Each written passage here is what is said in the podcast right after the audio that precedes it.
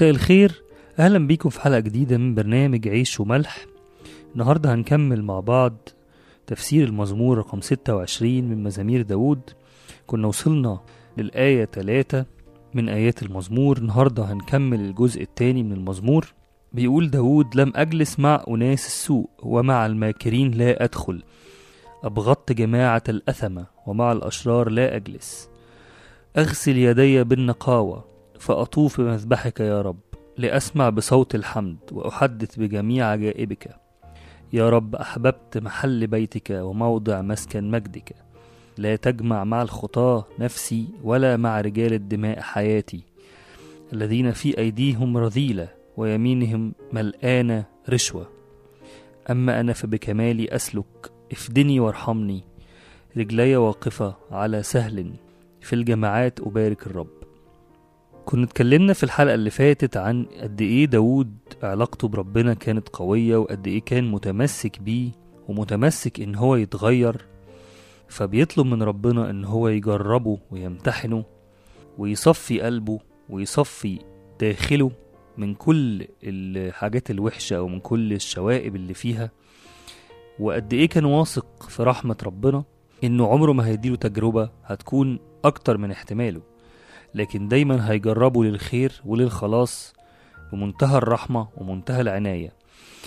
النهاردة داود بيكمل في صلاته وصرخاته لربنا وبيورينا قد إيه هو متمسك بكل حواسه وكل جوارحه وكل أفكاره إن هو يفضل ماسك في ربنا. الجزء اللي قريناه ده فعلا داود بيقول لربنا قد إيه هو مصر على إن هو يتمسك بيه. حتى وهو مش موجود وسط شعب الله مش موجود جنب الهيكل مثلا. هو إحنا كنا اتكلمنا الحلقة اللي فاتت إنه المزمور ده بيقول الباحثين يعني إنه اتكتب في ظروف كان فيها داود مطرود أو هربان عند الأمم الوثنية من شعبه اللي كان بيضطهده وبيطلع عليه أكاذيب وإشاعات كبيرة جدا. ومن ضمن الإشاعات اللي كانت طالعة على داود إن هو بعد عن عبادة الله ودخل في عبادات الأوثان. علشان كده هو هنا بيقول في الآية أربعة مثلا بيقول لم أجلس مع أناس السوء مع الماكرين لا أدخل. أبغضت جماعة الأثمة ومع الأشرار لا أجلس. يعني هو عايز ينفي عن نفسه التهمة دي إنه أكنه بيقول لربنا أنا مش ممكن أعمل كده مش ممكن أسيبك وأعبد عبادات أخرى مش ممكن أشارك الناس اللي مش بتعبدك في حياتهم وأجلس معاهم وأشترك في عباداتهم وفي ولائمهم. فالفكرة دي موجودة في الآيات أربعة وخمسة موجودة كمان في الآية تسعة وعشرة. بيقول داود لربنا لا تجمع مع الخطاة نفسي ولا مع رجال الدماء حياتي الذين في أيديهم رذيلة ويمينهم ملآنة رشوة.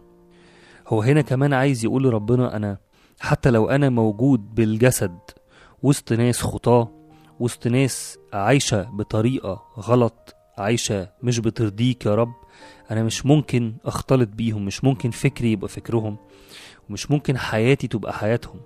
فعشان كده بيطلب هنا داود من ربنا بيقول له ما تجمعنيش معاهم. بالعكس ده أنا كل أملي إني أرجع وأعبدك. بيقول له يا رب أحببت محل بيتك وموضع مسكن مجدك. يعني كان داود بيتمنى إن هو يرجع تاني لبيت ربنا يرجع بلده يرجع لشعب الله يرجع وسط شعب الله ويمارس العبادات اللي هو بيحبها واللي هو متمسك بيها. بيقول داود في الآية ستة وسبعة أغسل يدي في النقاوة فأطوف بمذبحك يا رب لأسمع بصوت الحمد وأحدث بجميع عجائبك.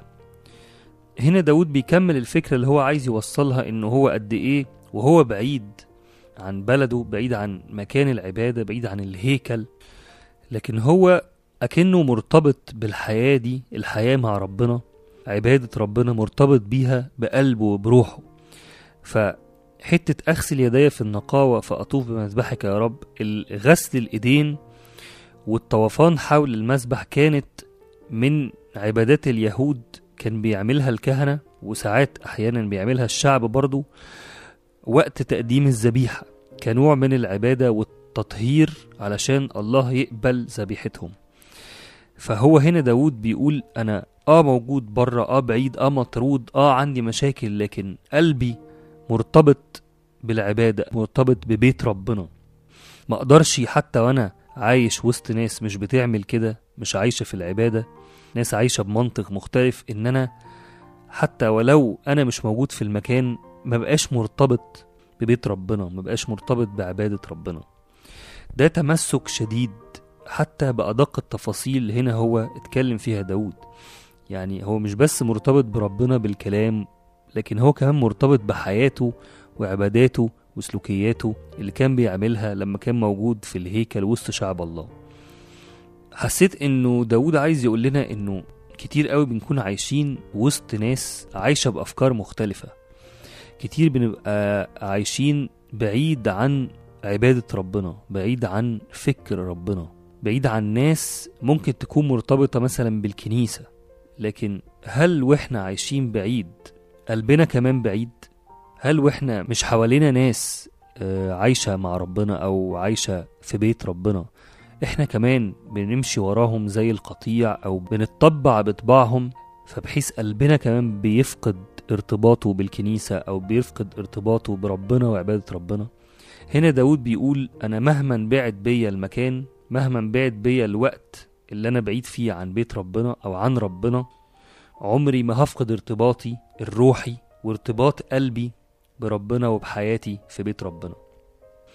فحسيت إنه كتير قوي منطق العالم وفكر العالم بيغلبنا وكتير بيدوس علينا. هنا داود عايز يعلمنا درس إنه مهما كانت المشاكل مهما كان البعد مهما كان منطق العالم بيحاوطنا وبيخنقنا لازم الإنسان يبقى عنده حكمة كافية وعلاقة بربنا كافية إن هو يعرف إنه ملوش حياة بعيد عن ربنا ملوش حياة بعيدة عن بيت ربنا. ما ينفعش قلبه يبقى مرتبط بعبادات وعبادات هنا معناها يعني مشغوليات. ما ينفعش قلبي يبقى بيعبد حاجات غير ربنا. حاجات خلقها العالم وأصنام صنعها العالم علشان كلنا نمشي وراها. وبيفضل يغذي في العبادات دي والعالم بيبخر للأصنام دي بحيث الكمية الأكبر من الناس دلوقتي ماشية في اتجاه.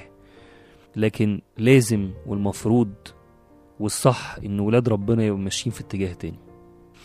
وعشان الإنسان يقدر يقاوم فكر العالم ويقدر يعيش بمنطق مختلف وبقلب مختلف لازم يكون ليه علاقة يومية ومتجددة مع ربنا.